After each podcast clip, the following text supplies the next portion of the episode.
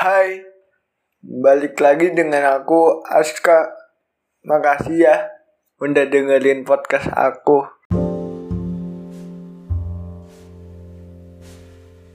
Sudah tahun baru ya? Tahun kemarin berkesan bukan?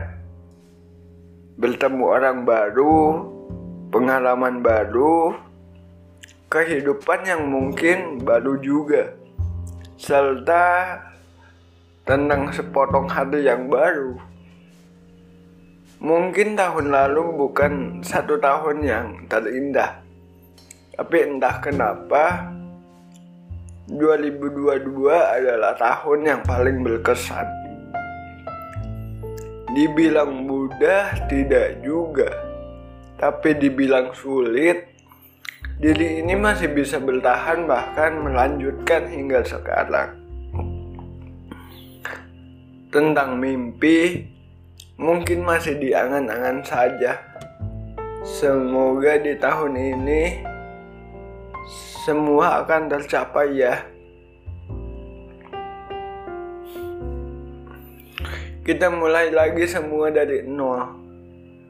Ya semakin hari jatah muda kita semakin berkurang. Belum telat kok untuk memulainya kembali.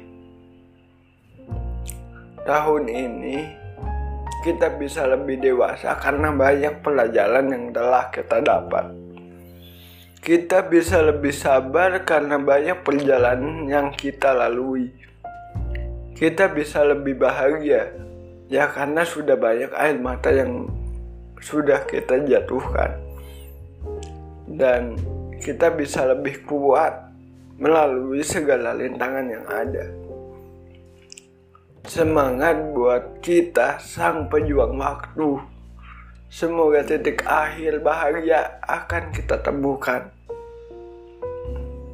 Satu yang penting di tahun ini, kita harus bisa lebih baik dari tahun kemarin. Tak ada salah yang tertatih lagi. Seperti kataku, kita bisa lebih kuat di tahun ini. Mari kita tuliskan mimpi-mimpi. Jangan takut untuk bermimpi. Mimpiku di tahun ini mimpi yang cukup besar dan cukup gila mungkin dikatakan. Semoga aku bisa mencapai mimpinya di tahun ini.